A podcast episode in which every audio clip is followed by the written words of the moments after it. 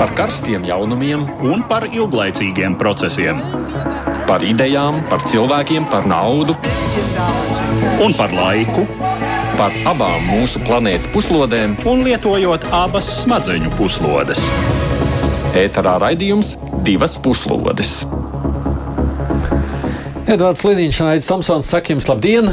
Tiekamies ikdienas raidījumā, kurā runājam par pasaules notikumiem. Mēs šeit stundas garumā analizējam, diskutējam un vērtējam. Nu, Gan drīz trīs mēnešus ir runāts tikai par Ukrajinu. Mēs arī šodien palūkosimies, kas ir noticis pēdējās nedēļas laikā, bet nu, lielāko daļu uzmanības šoreiz pievērsīsim kam citam. Vispirms pievērsīsimies Krievijai. Tur kā katru gadu 9. maijā svinēja uzvaras svētkus, tomēr, salīdzinot ar citiem gadiem, šie bija krietni pieticīgāki, klusāki. Turklāt nereiz izskanējusi arī doma, ka varbūt šī bija pēdējā militārā parāde sarkanajā laukumā. Eh, kas sagaida Krieviju turpmāk? Reti kurš ārpus Krievijas tic tās uzvarai Ukrainā, taču jautājums, kā Krievija šo karu pārdzīvos, ir aktuāls. Bet runāsim ne tikai par Krievijas nākotni, runāsim arī par Eiropas Savienības nākotni. Edvards ir atgriezies no Strasbūras, no kurienes atvedis arī ierakstīts intervijas. Arī noslēgusies Eiropas nākotnes konference. Nu, gandrīz gadu ilgusī konference bija platforma, kur tādi aktīvi ieinteresētie pilsoņi no visas Eiropas varēja nākt klajā ar savām idejām, kā Eiropu padarīt labāku un efektīvāku. Kopumā dalībnieki ir rosinājuši būtiskas pārmaiņas, un, lai tās pilnībā īstenotu, būtu nepieciešams pat grozīt Eiropas Savienības līgumu. Tajā pat laikā daudzi ir pauduši bažas par šādiem ierosinājumiem. Visa pamatā ir jautājums, vai Eiropas Savienība šobrīd darbojas sekmīgi, vai tomēr būtiskas pārmaiņas ir nepieciešamas. Nu, pirms mēs pievēršamies mūsu minētajiem tematiem, droši vien svarīgi arī tomēr īsumā ir pārskatīt, kas tad ir noticis nedēļas laikā Ukrainā. Mūsu raidījumā mēs redzam arī tā attālināt šobrīd vienojas klāt Rīgas Stradņu Universitātes Eiropas studiju fakultātes dekāns profesors Andris Sprūts.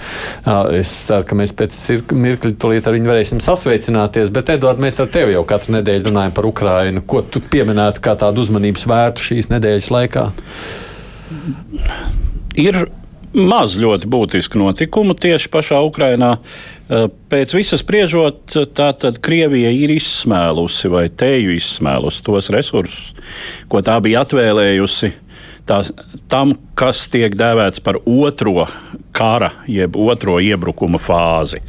Tātad uh, šī koncentrēšanās kara darbībai Ukrainas dienvidos un austrumos, nu pirmām kārtām austrumos, ar nolūku panākt Ukraiņu spēku atspiešanu nu, vismaz līdz Doņetskas un Luhanskas eh, apgabalu robežai, kas arī ir tā robeža, kurā, kurās Krievija vēlētos redzēt šīs pašpasludinātās un Krievijas par neatkarīgām valstīm atzītās republikas. Tā pamazām ir lēnām tuvojoties. Nu, tā tā lēni. Tikai Luhanskas apgabala. Nu, no Luhanskas apgabala, kur arī faktiski notiek eh, tās aktīvākās kaujas, eh, tātad Luhanskas apgabals ir pats pats galējais Ukrainas austrumu apgabals. -hmm kur dienvidos atrodas Mariupoli, tālāk uz ziemeļiem pati Luhanska. Tas uh, iet, nu tā tad, ja mēs tā Ukraiņas karti iedomājamies, mm. šais dienās jau daudziem uh, Ukraiņas karte ir mm. acu priekšā, tātad tā, tas ir tas austrumu gals.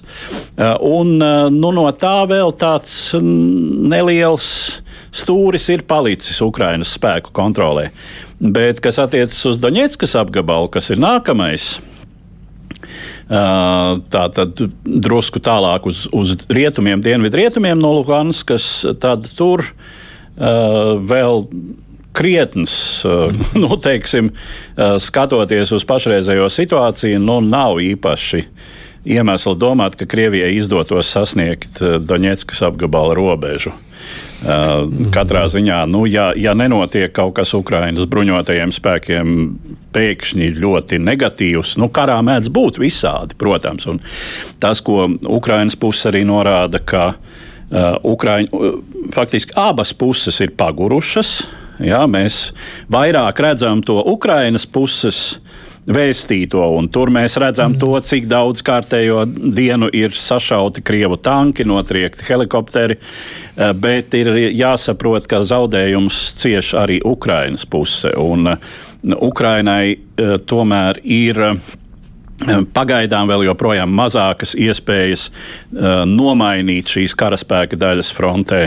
Attiecīgi, nu, jebkurai karaspēka daļai, kas cīnās frontē, ir nepieciešams uh, nepieciešama atpūta, pārorganizēšanās, papildināšanās. Kā zināms, teiksim, lielajos karos nu, tā ir vesela, precīzi izstrādāta sistēma. Kā laiku pa laikam, jebkura daļa tiek atvilkta no frontes, nomainot ar citu. Okay. Šobrīd Ukrainai nav iespēja joprojām tā pareizi, metodiski, militāri īstenot šo karaspēka nomaiņu frontē un, un daļu. Mm attiecīgi daļu nepieciešamo atvilkšanu atpūtai. Andris uzmanīgi klausās, tevi sveicināts, sasveicināmies tagad arī ēterā ar tevi. Kā tu vērtē to pašreizējo fāzi, kāda ir Ukrainas, Krievijas karā? Jā, labdien visiem, labdien arī Aidam un Edvardam. Es domāju, ka Edvards jau ļoti labi pastāstīja par to, teiksim, zinām, kliņča elementu tajā visā, ka Krievija netiek nekur tālāk, un tās viņas ambīcijas noteikti ir iegrožotas un kaut kur sevi izsmēlus. Man šķiet, gan, gan morāli, protams, nenoliedzami, gan arī, gan arī militāri.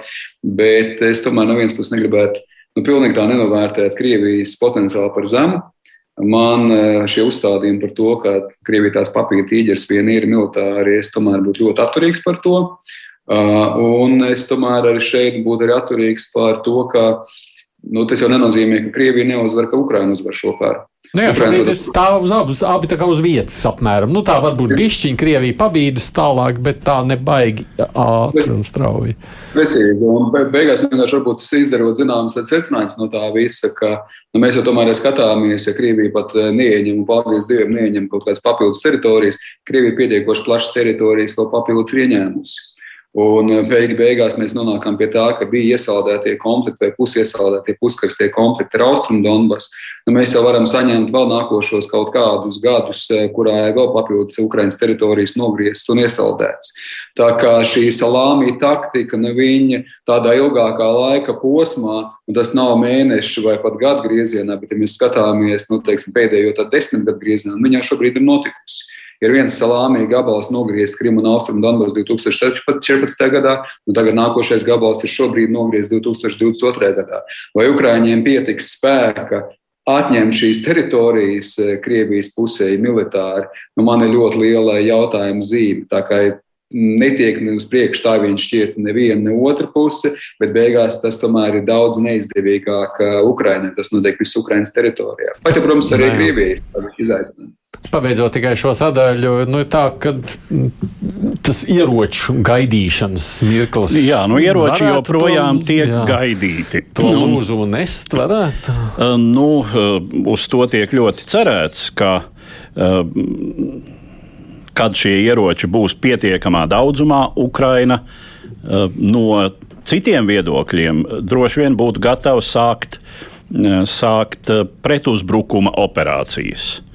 Eh, bet, eh, nu, te, protams, ir jautājums. Uh, viena, viena lieta ir uzbrukums, protams, prasa daudz lielāku militāro spēku sasprinddzinājumu, tie ir lielāki zaudējumi. Un, protams, Krievijas potenciāls nu, nav ne tuvu tik tālu izsmelts. Tā tas šķiet vismaz. Ja? Un, tas, ko arī Andris jau atzīmēja, tā tad uh, Eh, Krievijai scenārijs iesaldēt šo konfliktu, paturot tās teritorijas, kurai, kuras tai izdevās sagrābt pašā kara sākumā. Pirmkārt, runa ir par Ukrainas dienvidu daļu. Tātad Krievija ir ieguvusi praktiski savienojumu uh, savai teritorijai ar Krīmu, sauszemes savienojumu. Ja? Uh, nu, uh, Krievijai ar to varētu kādam laikam pietikt. Un, un tad nu, tas scenārijs, tas teiksim, Uh, iesaldēšanas scenārijs, nu tad viss būs atkarīgs tiešām no uh, rietumu konsekvences, no sankciju iedarbīguma um, un uh, nu, arī no Ukrainas apņēmības bet tur ir daudz un dažādi scenāriji, kā tas varētu attīstīties. Nu, varbūt tad darām tā šobrīd. Tas, tas interesantais jautājums jau par nākotni visu laiku mums galvā stāv, jo visi jau nu, domā, uz ko tad mēs tālāk dodamies.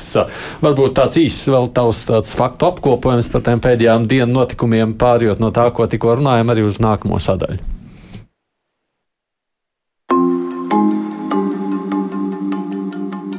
Abas karojošās puses ir pagurušas, un kara darbība Ukrainā šobrīd arvien vairāk pāriet pozīciju kara situācijā. Šāds secinājums sarunā ar tīmekļa resursa Ukrlaifa TV žurnālisti Ludmilu Ņemirju pauda Azerbaidžānu militārais eksperts Agils Rustams Zade. Aizvadītajā nedēļā aktīvākā kaujas darbība notika lielākoties Ukrainas ziemeļaustrumos, kur Krievijas karaspēks turpina spiedienu Severodaņetskas un Lisičānskas pilsētu rajonā. Savukārt Ukraiņu spēki turpina atspiest pretinieku no Harkivas. Tāpat Krievija joprojām pūlas salauzt atlikušo Mariupoles aizstāvu pretestību rūpnīcas Azovstaļa teritorijā un joprojām nesekmīgi. Maija sākumā, tuvojoties uzvaras dienas svinībām, vairojās spekulācijas par to, kā Vladimirs Putins mēģinās kompensēt nenotikušo uzvaru savā spēcoperācijā. Izskanēja pieņēmumi par oficiālu kara pieteikumu Ukrainai un ar to saistītu vispārējo mobilizāciju. Taču nekas tam līdzīgs 9. maijā nenotika. Krievijas vadoņa svētku uzruna bija neierasti īsa un arī visai neizteiksmīga, pamatā pievēršoties Ukrainā uzsāktās militārās avantūras attaisnošanai.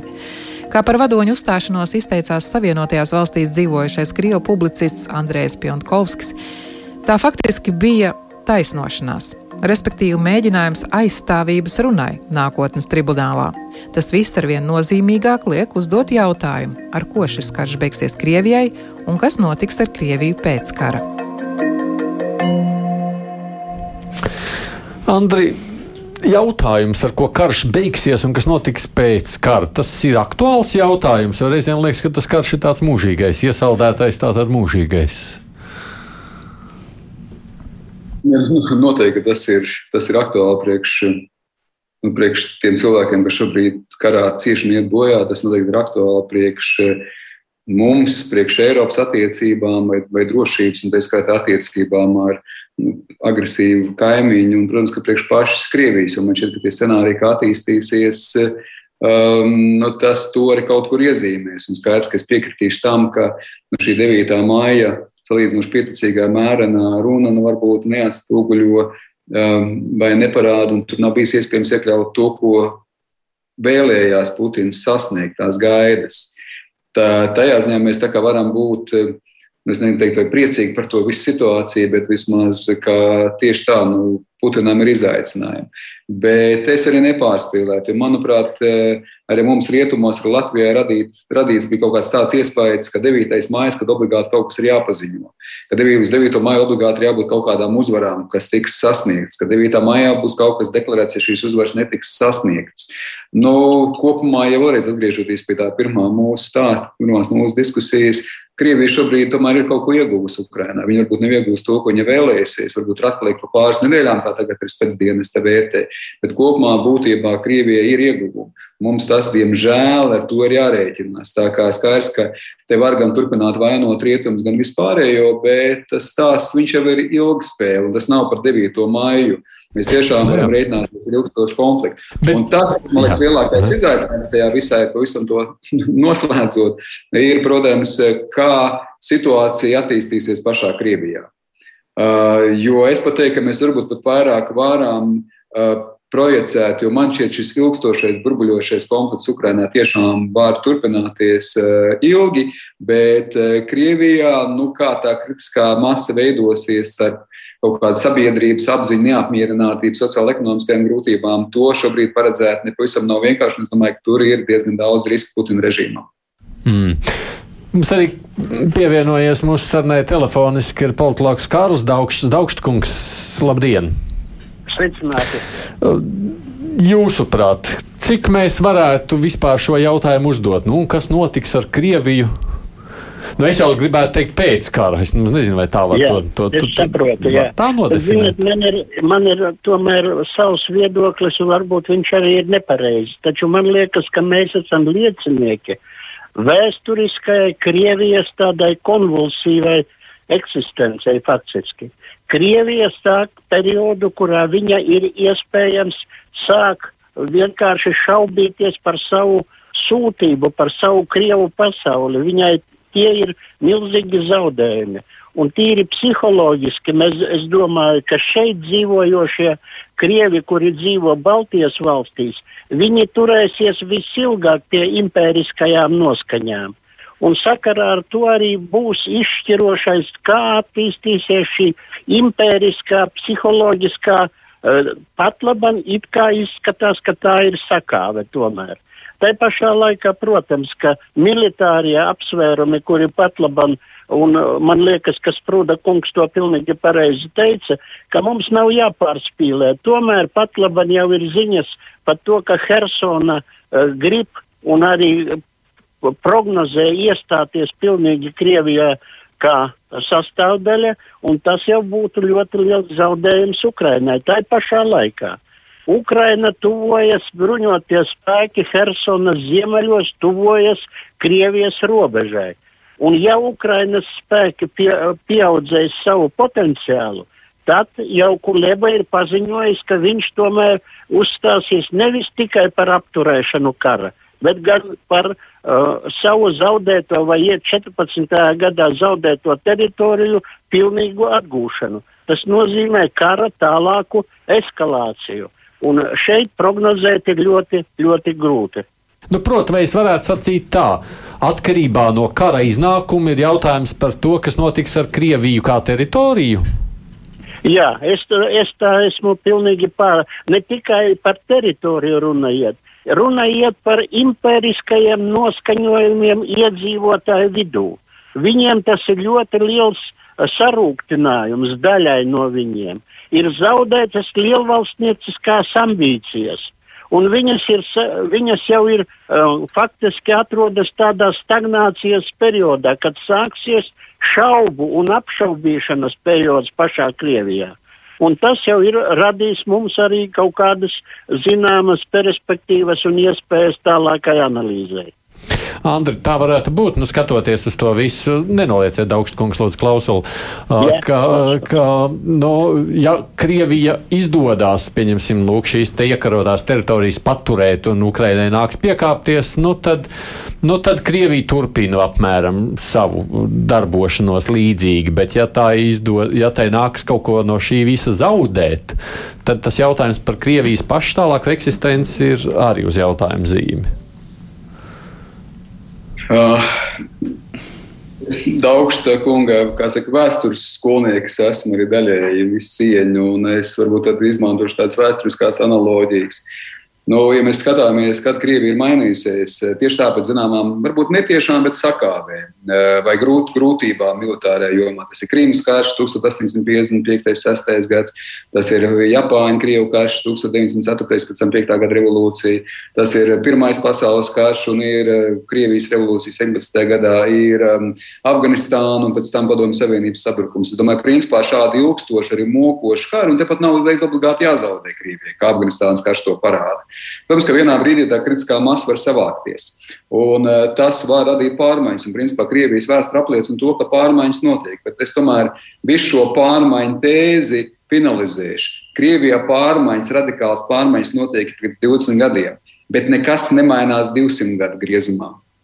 Līdz ar to Krievija nekur nepazudīs, un Krievijas impēriskās eh, tradīcijas nekur nepazudīs. Eh, tas, ka iespējams uz vienu brīdi viņas iesaldēsies vai neiesaldēsies kopā ar konfliktu vai ar kaut kādu neveiksmīgu konfliktu iznākumu, jā, to nevar izslēgt, bet kopumā es domāju, ka Krievija, kas ir uh, nācija, kas eh, kaut kur ir salīdzināma ar iešanu baznīcā, kā teica Samuels Huntingtons, ar to savu izredzētību, ar to, ka robežas un geogrāfija ir zināmā veidā liktenis priekš Krievijas. Es eh, uzskatu, ka tas Krievijā saglabāsies. Tā kā jā, var nomainīt Putinu, bet vai nomainot Putinu vai, teiksim, sabrūkot Putina režīmām, pat ja mēs skatāmies tos labvēlīgākos scenārijus, ka tiešām šeit ir Krievijas neveiksme, kad Krievija tiek atstumta, ka Krievijā ir ekonomiskās grūtības, vardarbības un Putina režīms tiks, tiek, tiek, tiks nomests. Es nevaru izslēgt kaut kādas demokratizācijas elementus, bet kopumā es domāju, ka 200 gados Krievijā nemainās nekas. Mums ir jārēķinās ar to, ka šāda grūta un izaicinoša Krievija ar impēriskām tieksmēm pastāvēs mums līdzās, un viņi nekur nesabruks, viņi nekur nepazudīs. Man ļoti grūti iedomāties, ka pēc tūkstošiem gadiem pēkšņi Krievija sabruks pa daudzām mazām kaut kādām valstiņām. No skolotāja, pagaid, ļausim skolotājiem atbildēt, un tad, tad, tad, tad Edvard. Skolotājs tikai var pievienoties vēsturiskajai retrospekcijai, ko izveidoja Andris, un es tam pievienojos. Krievija fiziski nekur nepazudīs, bet pat laban ir tāds periods, kad tautas masa, tā, kura par tām zē un visādām savām e, dažne dažādiem burtiem, tomēr liela daļa sāk pārdomāt Un, manuprāt, ka tīri psiholoģiski politiskais atmosfēras briedums, tāds izmaiņas, viņas ir vējo gaisā. Un tas pats jau bija arī tas, ko Andris pieminēja par 1904. gada revolūciju. Viņa nāca no kara tomēr.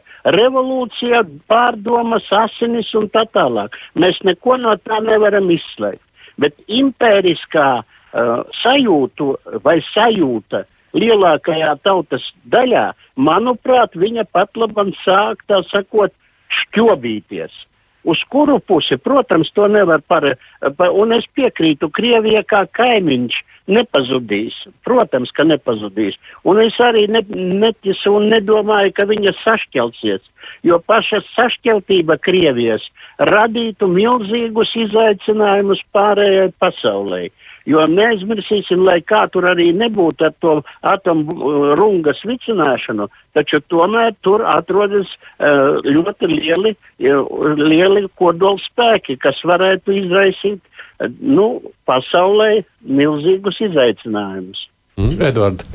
Jā, nu, es arī labprāt skatos vēsturē, un šai ziņā es gribētu teikt, ka impēriskās ambīcijas bija ļoti normāla. Tā bija normalitāte pirms 150 gadiem.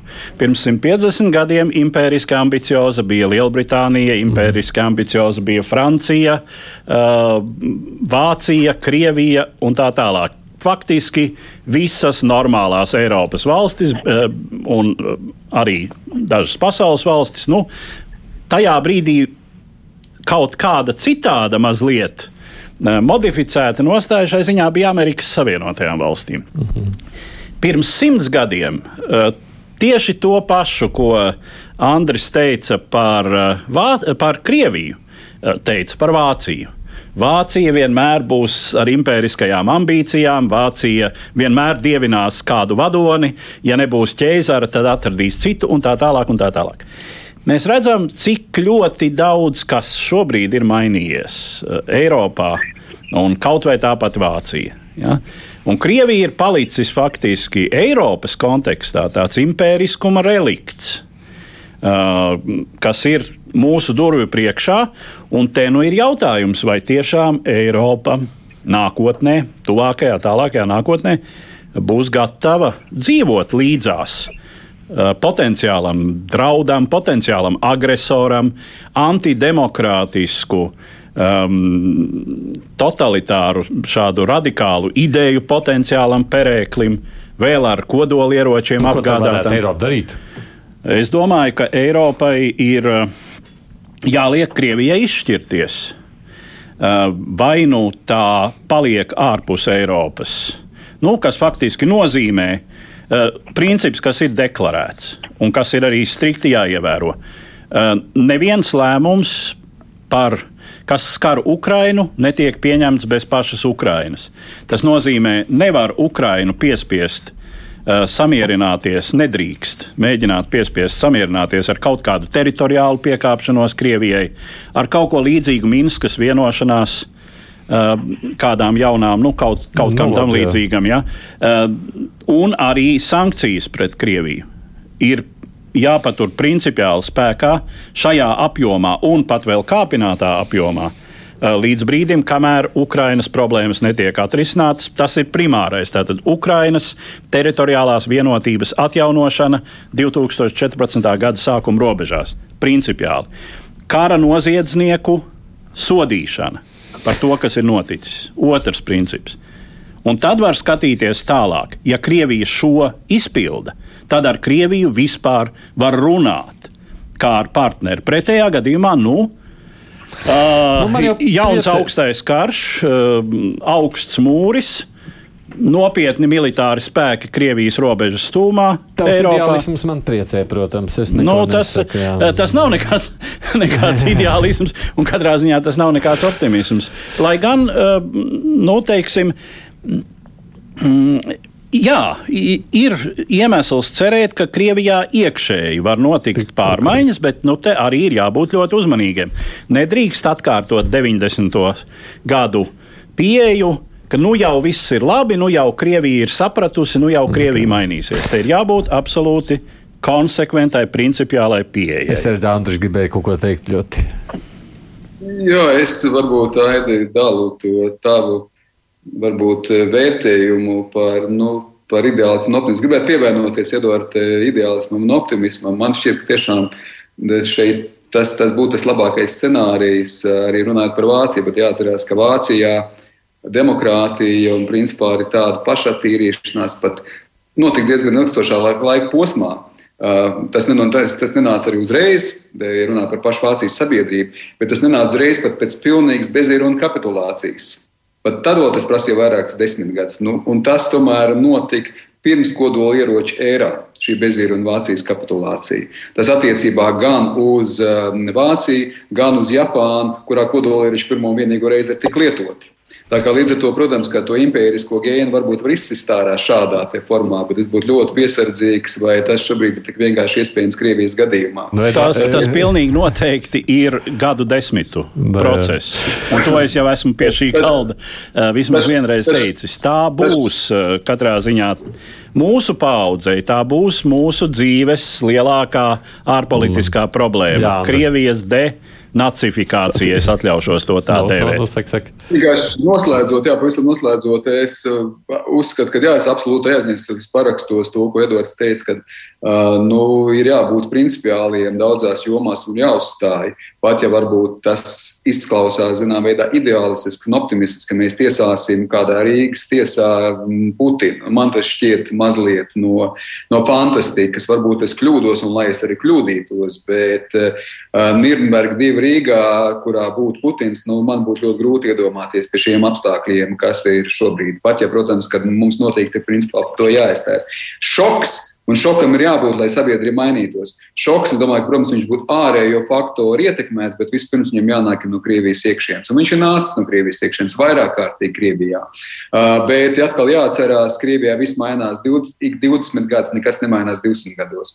Man šķiet, ka pēc šīs autoritārās, agresīvās centralizācijas var sekot, zinām, veidā arī demokrātiskais atslābums un, zinām, veidā pat haoss, bet tas neizslēdz to, ka mēs vienalga atgriezīsimies pie tās Krievijas, kas ilgtermiņā jā, mums ir pazīstama. No nu, Pabeid, jā, pabeidzot tikai sarunu, Kārlis, kamēr ir vēl pie klausulas, uh, mēs te iemitām tādu izteikumu, kas 9. maijā, protams, cerībā vairāk no Ukrainas skanēja, sakot, nu, bet vai tad nevarētu būt, ka šīs ir pēdējā 9. maija parāda, militārā parāda sarkanajā laukumā, sakot, ka viņi paši vairs militāro parādu negribēs. Kārli, kaut kādas cerības uz to ir? Ziniet, cerības ir tādas, ka varbūt parādi tomēr vēlreiz varētu notikt. Bet vai tur būs tie vadoņi, kuri pieņēma to par, parādi? Par to man ir ļoti dziļas šaubas, un es domāju, ka tomēr mainīsies eh, pati, eh, tā sakot, virsvadība visiem šiem procesiem Krievijā. Noteikti. Bet man tomēr uh, daudz svarīgāk būtu, vai pašos cilvēkos, Krievijas iedzīvotājos, Krievu cilvēkos šeit Latvijā, vai nepieaug tomēr un nesākas kaut kāda atteikšanās no šīs lielmanības, no šīs uzvaras par visu pasauli tāda sindroma. Un manuprāt, ka šeit ir tas galvenais cerības, tas ir uz to, lai psiholoģiski politiskā atmosfēra mainītos Krievijā. Varbūt neskatoties tur uz dažādiem šoigu vai kādiem rogoziniem. Tam nav, tam nav būtiskas nozīmes. Jā. Labi, paldies. Bet es domāju, jā. ka visumā ir pozitīvi, ka Krievija tomēr daļa no viņiem grib saglabāt savu eiropeisko piesaisti, neizslēgt, ne, neizolēties, neiekapsulēties. Un tā ir cerība tomēr. Atcerīgo gribas vienmēr neapšaubām uh, uzturēt. Es saku paldies politologam Kārlim Daugštam par sarunu, jo tas, ja runājam īstenībā par karu, tad jau tas nav tikai aktualizējis diskusijas par Krievijas nākotni, tas ir līdz jautāt mazliet arī par Eiropas nākotni. Mēs tam mazliet Eiropu pieminējām.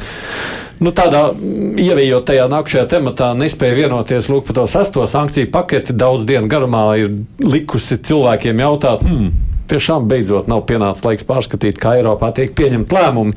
Nu, šīs spekulācijas ir bijušas vienmēr. Jautājumi ir pārunāti arī Eiropas nākotnes konferencē, kas ilgi gandrīz gada garumā. Edvards vispirms apkopojas informāciju, kas tā par konferenci, kas tajā lemts. Klausāmies ierakstu. 9. maijā Eiropas parlamentā Strasbūrā ar īpašu sanāksmi noslēdzās konference par Eiropas nākotni, kuras ietvaros Eiropas Savienības pilsoņi bija aicināti sniegt savu redzējumu par Savienības tālāko attīstību un darbību dažādās jomās. Tas bija gadu ilgs process, kura centrālajie notikumi bija četras klātienes paneļa diskusijas, kurās piedalījās 200 pēc nejaušības principa atlasīti pilsoņi no visām dalību valstīm. Tāpat notika nacionāla un reģionāla līmeņa diskusijas un viedokļu apkopošana digitālā platformā. Pirmdien konferences gala ziņojums ar priekšlikumu apkopojumu tika pasniegts Eiropas parlamenta prezidentē Robertai Metsolai, Eiropas komisijas prezidentē Urzulai Fonderlejenai un Eiropas Savienības padomas prezidējošās valsts Francijas prezidentam Emanuēlam Makronam. Priekšlikumu spektrs aptver klimatu pārmaiņas un vidi, veselības aprūpi, ekonomiku, sociālo taisnīgumu, nodarbinātību, savienības lomu globālajā politikā, vērtības un tiesības, tiesiskumu, drošību, digitālo transformāciju, savienības institūciju darbību, migrāciju, izglītību, kultūru, jaunatnes un sporta jautājumus. Tagad no Eiropas Savienības institūcijām jālemj, kā šos priekšlikumus ievies dzīvē. Eiropas parlaments savu rezolūciju par konferences rezultātiem pieņēma 4. maijā, paužot savu atbalstu un norādot, ka atsevišķu priekšlikumu īstenošana prasīs izmaiņas līgumā par Eiropas Savienību, un šādā nolūkā jāsauc konvents. Tādi ir piemēram priekšlikumi par visu Eiropas referendumiem, pārēju uz kvalificētu balsu vairākumu līdzinājās vienbalsības vietā, lemjot vairumu jautājumu Eiropadomē un tam līdzīgi. Tikām pirmdien ar rezervētu viedokli par iespējamu Savienības līgumu mainīšanu nākušas klajā 13 dalību valstis, tā skaitā arī Latvija, norādot, ka pilsoņu konferences mērķi sākotnēji nav paredzējuši Savienības līgumu grozīšanu, un sasteigti lēmumi šai sakarā ir nevēlami.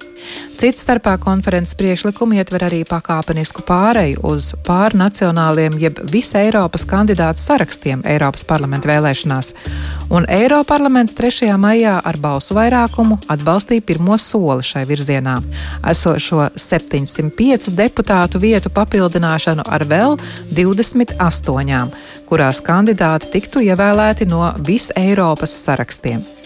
Šie saraksti attiecīgi startētu ar pārnacionālu programmu un savu kandidātu Eiropas komisijas prezidenta amatam.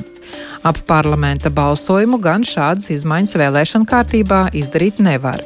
Tām nepieciešams Eiropas padomas apstiprinājums. Divas puslodes! Atgādījums bez Eduarda Liniņa. Manas raidījumā piedalās arī Rīgas Traģiņu universitātes profesors Andris Prūts. Viņš ir Eiropas studiju fakultātes dekāns. Savukārt, runājot par šo konferenci gan darbā, gan plenārsēdēs Latviju, Tur arī pārstāvēja Augusts Redovičs. Nu, ne viņš viens, bet Augusts esam šobrīd sazvanījuši. Labdien! Halo! Labdien! Kā jūs tur nokļuvāt pasākumā? Nu, tur ir tā, ka īsnībā visus šos pilsoņus, kā mani, izvēlējās pēc tāda nejaušības principa, ņemot vēlā, vērā vienlīdzību, dzimumu ziņā un arī vecumi, lai visi tiek pārstāvēti un arī dzīves vieta. Un tad vienkārši sanāca, ka vienas dienas zvanīja nepazīstams numurs no Brīseles. Nu, īstenībā tas bija paziņai manai sievietei, vienai sievietei, kura uh, atbildēja, bet tā viņas iedomājās pa mani, ka es varbūt vairāk gribētu piedalīties, un tad viņa pateica viņiem manu numuru, ar mani sazvanījās, es piekrītu, un tas bija pagājušajā gadā pavasarī, un norunājis jau septembrī braukt uz Strasbūru, un tā bija lielākai daļai. Bet jūs tā kā paši nemaz nekur nebijāt pieteikušies, vai bijāt? Nē, es nemaz nebiju pieteicies. Tā kā ir cik es sapratu, ka šie dati, mani dati ir kādā uh, valsts statistikas pārvaldēs, un tad šīs pārvaldes arī veica šos zvanus.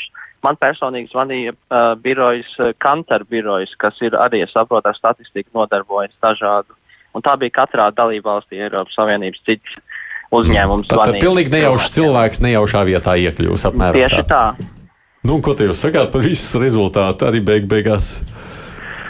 Nu, jāsaka tā, ka esmu nu, bija tomēr uh, lielas, ka, bija pa vidu konferencē daudz, protams, diskusiju un problēmas, un, bet nu, tas gala rezultāts uh, esmu diezgan apmierināts, ka, jo tomēr tas, eh, ko mēs tur runājām un ko tieši pilsoņi teica, un es arī esmu teicis, es varu redzēt tajā gala dokumentā atspoguļojumu mūsu idejām, bet reizē es arī saprotu, ir cilvēki, kuri teica visādas idejas, un nu, tām nav atspoguļojumi. Tur bija tā, ka mazliet tomēr tika tas viss šķirots. Un uh, jāsaka, ka tad es domāju, ka šie rezultāti tomēr ir jāņem vērā, ka šī ir tāds nebijis gadījums, ka tik daudz cilvēku sniedz savu ieguldījumu par savām idejām Eiropas nākotnē. Bet uh, arī tā kā tas ir viens no pirmajām reizēm, kaut kas tāds notiek, ir tomēr savas kļūdas un uh, viss varēja, protams, būt labāk izdarīts. Nu, te tika pieminēta jau skepsi, ka 13 valsts jau tur tā, jau, jau, jau, jau, jau, jau ieskaitot Latviju. Jau, jā, jau, to es esmu. Nu, ko jūs sakāt par šo visu? Uh, nē, nu, es saprotu, es, protams, gribētu labāk, lai tā nebūtu, bet es saprotu, tomēr ir, tam ir, tas ir pamatot, jo arī no Latvijas es tomēr redzu skaidri, ka Latvija tika pie mazāk daudz uzklausīta, kā, piemēram, dažas lielvalstis, kā Vācija šajā konferencē. Un, uh, arī, piemēram, mazāk tika uzklausīti visādi, var teikt, eiroskeptiķu lēmumi, kas, eh, vai tādi, kas ir varbūt mazāk par Eiropas eh, tādu vienošanu, lielāku apvienotību un federalizēšanu, un tad šie tika uzklausīti mazāk, un tad uh, var domāt, ka konferences rīkotājiem jau no paša sākuma bija kaut kādas idejas, ko viņi gribētu redzēt tajā gala papīrā, un tad viņi mēģināja arī tos dalībniekus virzīt uz šīm idejām. Mm. Bet uh, es domāju, ka paši, nu, kad es biju tikai tajā pilsoņu komponentē, un uh, nu, mēs tomēr esam diezgan apmierināti ar to gala iznākumu, vairāk tieši tie no politiskajām komponentēm, no uh, komisijas un padomus, un tie ir tādi mazāk, nav, nav priecīgi par gala rezultātu, bet mēs tomēr uzskatām, ka tas, ko mēs tur iesniedzām, ir vērā ņemams un nav nekādi korumpēti sabojāts. Un, mm -hmm. Tas ir tā patiesība, ko mēs tur sniedzām. Nu, man protams, interesanti vispār, laikam, droši vien kaut kāda garāka saruna darētu ar jums. Šoreiz mēs nevarēsim izvērsties visā tajā saturiskajā daļā, jo tur ir dažādas nianses. Bet es saku paldies, August, par tādu ieskatu, lai mēs apmēram saprotam, kādā veidā jūs tur nonācāt un ko darījāt. Augusts Redovičs ir no uh, Latvijas viens no tiem pārstāvjiem. Andri, ko jūs sakāt, kas no visas šīs idejas tur tās konferences ir sanācis? Nu, sanākusi laba Ziemassvētku eglīte. nu, nu, respektīvi, tas jau nav ne pirmais, ne pēdējais vingrinājums, kurā Ziemassvētku eglītes teiksim, dažādu vēlmu uzlikšana ir, ir tas, tas mērķis, tas process ir ļoti svarīgs. Bet tā kā es domāju, mēs šeit dzirdējām, tas process tiešām ir svarīgs. Nav nepavisam nebūtiski, ka tiek iesaistīti cilvēki. Pilnīgi normāls, kā saka, neko nezinot, vai ne, absolūti nevis kaut ko. Jo beigās jau Eiropa ir tā ir mūsu sirds un mūsu prāti. Tā kā līdz ar to es domāju, ka no tā ir pozitīva vērtējums, bet jāatcerās, ka ir tās divas reālijas. Viena tā supranacionālā reālija, ka mums gribās būt varbūt kopīgi Eiropiešiem, bet tad, protams, vienlaikus arī skatoties savu dalību valstu prizmu, katram ir kaut kāds savs intereses, un tad jau tas sāk atdurties tajā, tajā dalību valstu un arī mūsu kā dalību valstī. Intereses, Jā, bet beig beigās jau tie tur tādi piedāvājumi, saprotu, diezgan tādi, uh, vai ne, no tādi uh, pamatīgām ambīcijām. Tur, tur... Nu, tieši tā, pamatīgām ambīcijām Priecājām, ka šeit jau ir izskanēja, ka zinām pat tādu federalizācijas vieglu elementu, um, kas, nu, es domāju, ka spiež uz priekšu arī to kopējo Eiropas ideju un to procesu, un, protams, arī ar jauniem akcentiem, kā ar uzsvaru uz klimata, nu, un uz, teiksim, protams, arī šo tā lēmumu pieņemšanas tādu eiropeizāciju. Līdz ar to, protams, ka šīs akcents ir spēcīgāks. Viņš jau, nu, arī runājot, kaut kur atspoguļo daļēji arī vienlaikus dalībvalsts ierobežo šo visu pasākumu un vingrinājumu un rezultātu īstenošanu. Tajā pašā laikā jau ir dalība valsts, kas bija šajā procesā arī interesēts. Nu, noteikti, ka tika pieminēts jau Emanuels Makrons, kurš uzsāka šādu līdzīgu procesu Francijas ietvaros. Tas tika projicēts visā Eiropas līmenī, un vēl jau arī tie gala rezultāti tika paziņot Francijas eh, Eiropas prezidentūras eh, laikā. Tā kā tas ir mhm. tās arī. Nu, netieši arī Emanuela Krona veidojums un arī, es domāju, Francijas redzējums par lietām, ka mm -hmm. Eiropa būtu jāiet uz lielāku, teiksim tā, lietu sinerģiju un autonomiju tajā globālajā izspēlē. Edvards, pirms tam, nu, vispār tu jau vari arī pirmo viesu pieteikt, bet nu, pirms tam tu tos savus sajūtas, jo tu tur arī Jā. grozījies apkārt mazliet. Jā, nu, tā var teikt, ka es biju klāt vienā no šīm plenāru sesijām kā vērotājs, mm. nu, teiksim, kā, gandrīz vai kā ekskursants. Un, protams, man bija uh, iespēja paskatīties, kā tad šie nejauši atlasīties. Starp citu, viens konkrēts precizējums, ja 200 katrā no šīm paneļa diskusijām, tātad kopā bija 800 mm, tādu um, nejauši atlasīto no Latvijas, tātad 4. Uh, un, uh, nu, un, protams, vēl tur bija apkārt vesels process. Nu, tad es vēroju, jā, kā šie cilvēki mēģināja ielauzīties vispār kaut kādās politiskās definīcijās, un cik tas nebija viegli. Nu, tas ir viens ļoti pozitīvs. Es domāju, eh, nu, tātad šī pieredze. Mm -hmm. Un, eh, protams, arī tā saskarsme ar saviem līdzpilsoņiem no visas Eiropas. Es domāju, vairumā gadījumu viņi saprata, cik tomēr tomēr par spīti visām atšķirībām mēs esam līdzīgi, mēs visi tomēr esam eiropieši un, un domājam apmēram par vienām un tā pašām problēmām. Un tas rezultāts, nu, mēs te akcentējam to, kas ir vis, visvairāk apšaubītais, tas ir kaut kādas pārmaiņas uh, Eiropas politisko regulē, Eiropas politiskajā regulējumā augstākajā līmenī. Bet tur jau ir milzīgs masīvs ar priekšlikumiem, uh, un, nu, piemēram, ja ekonomikas sadaļā ir akcents uz to, ka nedrīkst būt pārmērīga standartizācija, mm. ka ir mhm. jāņem vērā vietējās tradīcijas ražošanā, patēriņā un tā tālāk. Ja? Nu, tā tad uh, visnotaļ mm. pozitīva ideja, kas acīm redzami nāk no vienkāršā Tautas, Eiropieša viedokļa. Bet tu par tiem viedokļiem, tur tu esi, jā. tev bija sarunas ar Latvijas jā, uh, jā, tātad Lat mūsu Eiropas parlamenta deputāti. Uh, kuriem, kuri pārstāv trīs atšķirīgus politiskos spēkus, arī parlamentā.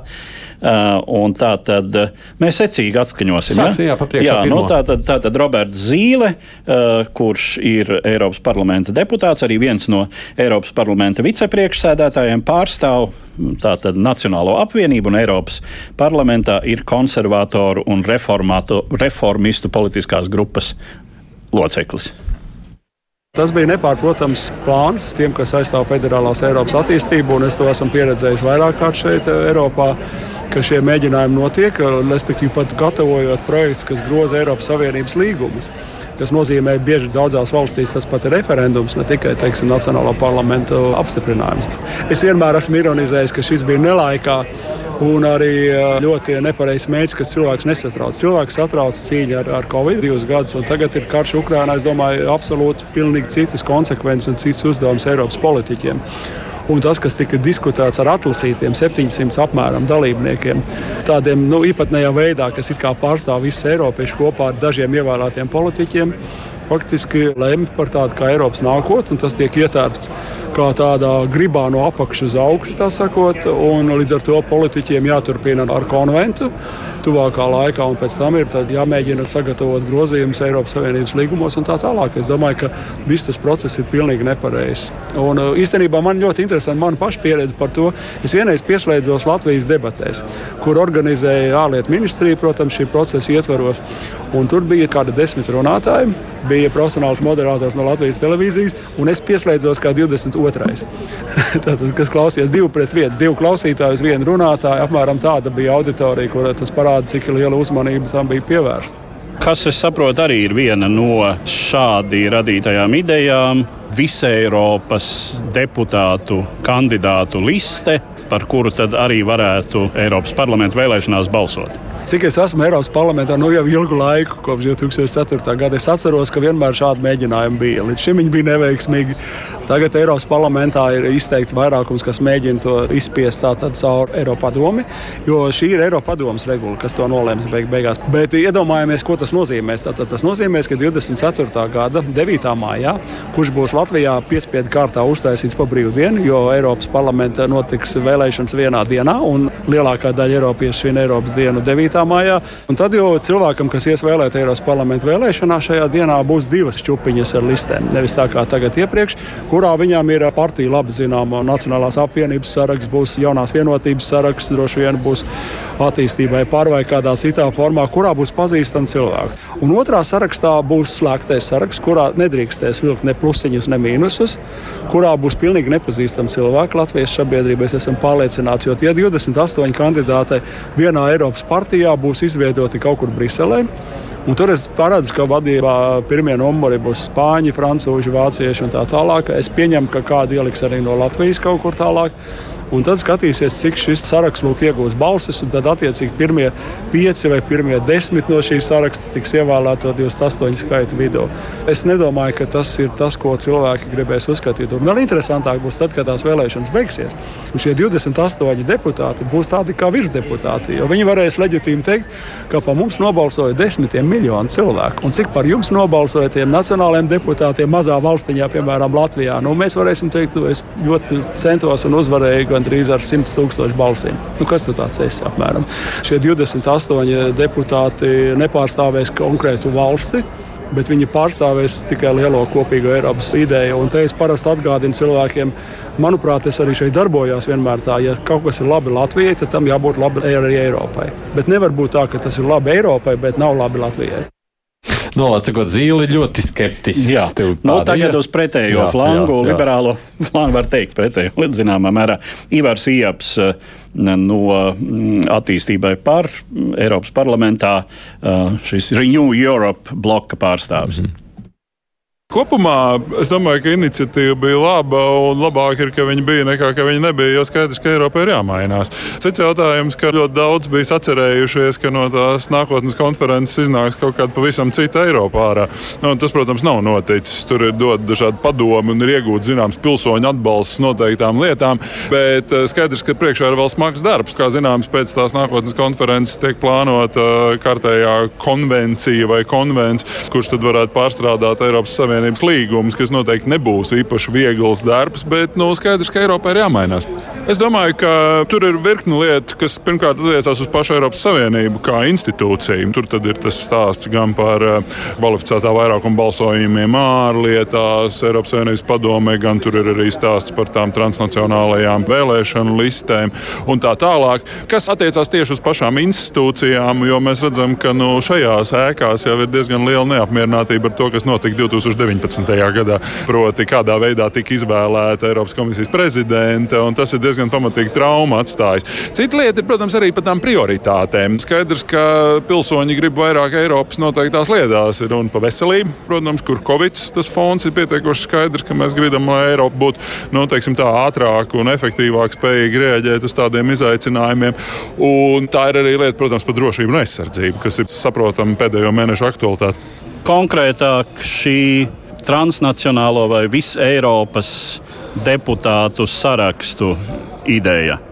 Ja mēs gribam to Eiropas parlamentu tiešām padarīt par vienu Eiropas parlamentu, kur uh, diskusijas, kas notiek dalību valstīs, notiktu tomēr par Eiropas lietām un nevis tikai vienkārši par pašmāju lietām, tad es domāju, ka tas ir pareizs virziens, kurā iet. Ja mēs paraugamies uz Latvijas pozīciju, tad Latvija tādā deputātu skaita ziņā tur ar to neko nezaudē. Tas ir nepārprotams skaidrs. Proti, tā kampaņa, kas ar to varētu mainīties, ir tas, ka mēs iespējams vēlēšanu kampaņās, un arī tie politiķi, kas tiks ievēlēti, vairāk runās par Eiropas kopīgo nākotni, un nevis tikai par to, kā mēs kurā mirklī kaut kādu pīcis gabalu sev nogriezīsim. Es domāju, tas ir diezgan svētīgi. Tur, protams, tam visam ir jāaiziet vēl cauri saka, valdību filtram, kas arī nebūs viegls uzdevums, bet Latvija no tā neko nezaudē. Iespējams, ka mēs drīzāk iegūstam ar to, ka mūsu balss būs sadzirdamāka jau tādās visai Eiropas diskusijās un nevis tikai pašmājās. Nu, tad īpaši jāapsver. Un eh, visbeidzot, centrs, tā sacīt, Eiropas Tautas partija, um, jaunās vienotības pārstāv Inese Vaidere. Tāda vispār izjūta ir tāda, ka, protams, pilsoņu iesaistīšana politikas veidošanā ar dažādiem līdzekļiem tā ir laba lieta. Un šis fórums ir iesaistījis vairāk kā 600 tūkstošus Eiropas pilsoņu, kuriem bija iespēja izteikties. Tas ir ārkārtīgi labi, ka cilvēks var izteikt savas domas un ka tiek uzklausīts. Un Latvijā vien ir bijuši šajā laikā 140 pasākumi.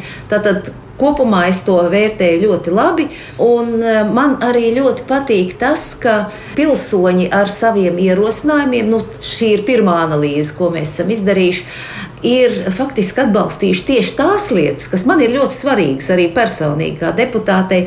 Nu, kaut vai, piemēram, ļoti daudz vidas aizsardzības pasākumu. Cilvēks saka, ir jāveido Eiropas sabiedriskā transporta tīkls, ir jāatsakās no neilgtspējīgiem un ļoti lieliem iepakojumiem, Jā. ir eh, vajadzīgi daudz spēcīgāki stimuli un atbalsts bioloģiskai lauksaimniecībai. Arī tāpat mans darba virziens attiecībā uz veselības aizsardzību. Skaidrs, ka mēs gribētu ļoti, lai mums būtu tādi kopīgi veselības aprūpes standarti visās valstīs, arī nu, lai zāles būtu vienlīdz kvalitatīvas un vienlīdz pieejamas visās valstīs. Un mēs ļoti labi gribētu arī ieviest šo strateģisko autonomiju, lai zāles vismaz tajā segmentā, kas ir iedarbīgās vielas, lai mēs nebūtu atkarīgi no Ķīnas vai no kādām citām valstīm, lai mēs būtu tomēr pašspējīgi ražot arī kritiskajās situācijās. Arī, protams, kopīga izglītības programma par veselīgu dzīvesveidu, ko arī cilvēki saka, nu, manuprāt, ir ārkārtīgi pozitīvi.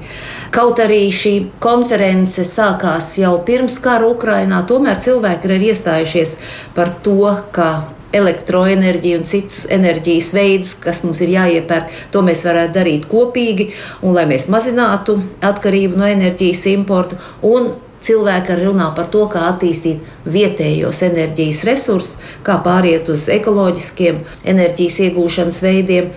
Cilvēki ir iestājušies arī par apvienotiem bruņotiem spēkiem, bet arī ļoti patīkami ir tas, ka tiek uzsvērts, ka tam nav jābūt pretrunā ar NATO, ka vienkārši tam ir jābūt kā papildinājumam, un tas ir ļoti svarīgi. Nu, var teikt, ka šie ierosinājumi visi ir tādi ļoti, ļoti no manas puses atbalstām, bet ir arī daži, kas ir diskutējami piemēram, valstu veto tiesību atcelšana.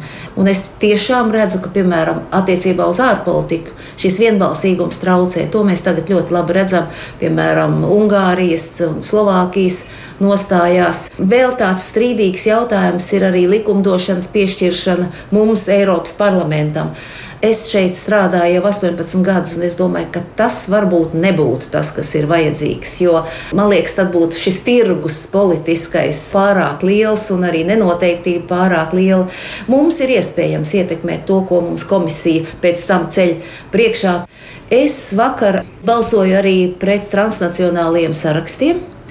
Tur es esmu tādās ļoti piesardzīgās pozīcijās, jo Jau tagad ir ārkārtīgi grūti mums eh, dažkārt mazajām dalību valstīm panākt savu. Man ir doma par to, ka tagad šis transnacionālais saraksts, kur cilvēkiem būtu jābalso par cilvēkiem, kurus viņi absolūti nepazīst, atkal varētu tikt veidots no lielo dalību valstu galu galā deputātiem, un tas vēl vairāk sāsinātu šo mazo valstu interešu ievērošanas problēmu. Nu, tā trīs deputāti. Beig, beigās, Sandra, kā tev šķiet, kas no viss šī sanāks? Tas ritenis tiks griezts noteikti lēnām, bet man šķiet, ka arī tas, kas šeit tika pieminēts, ka tās krīzes, kuras mēs pārdzīvojam, pārdzīvojam joprojām, nu, tur joprojām ir potenciāls gan Eiropas Savienības stiprināšanai, gan arī tās ticības stiprināšanai. Es domāju, ka tā ticība, ja mēs skatāmies uz pēdējiem Eiropas parlamentu vēlēšanām, kurā piedalījās vairāk nekā 50%. Vēsturiski augstākais procents. Tā kā kopumā beig beigās atgriezīšos pie tā, ka Eiropa ir mūsu galvās eh, un sirdīs, un ja mēs ticēsim šim projektam vai šai ambīcijai, tad es domāju, ka viss būs kārtībā. Un šis vingrinājums kopumā ir labs tādā ziņā. Vai konkrēti sanāks kaut kas, eh, tas process ir lēnām un kādā jomā jā, kādā jomā nē, bet tas ir daļa no mūsu eh, Eiropas būvniecības mm -hmm. stāsta. Andris Prūts ir Rīgas Traģiņu Universitātes Eiropas studijas fakultātes dekāns un profesors. Paldies, Andri, ka pieslēdzāties šai sarunai. Pie mikrofona bijām arī mēs, Edvards Liniņš, Aidis Tamsons, producēja raidījumu Evi Junāma. Nu, tiekamies etrā pēc nedēļas, skatāmies, kā notikumi būs risinājušies tālāk. Kā vienmēr mums noteikti divās puslodēs ir par ko runāt. Divas puslodes!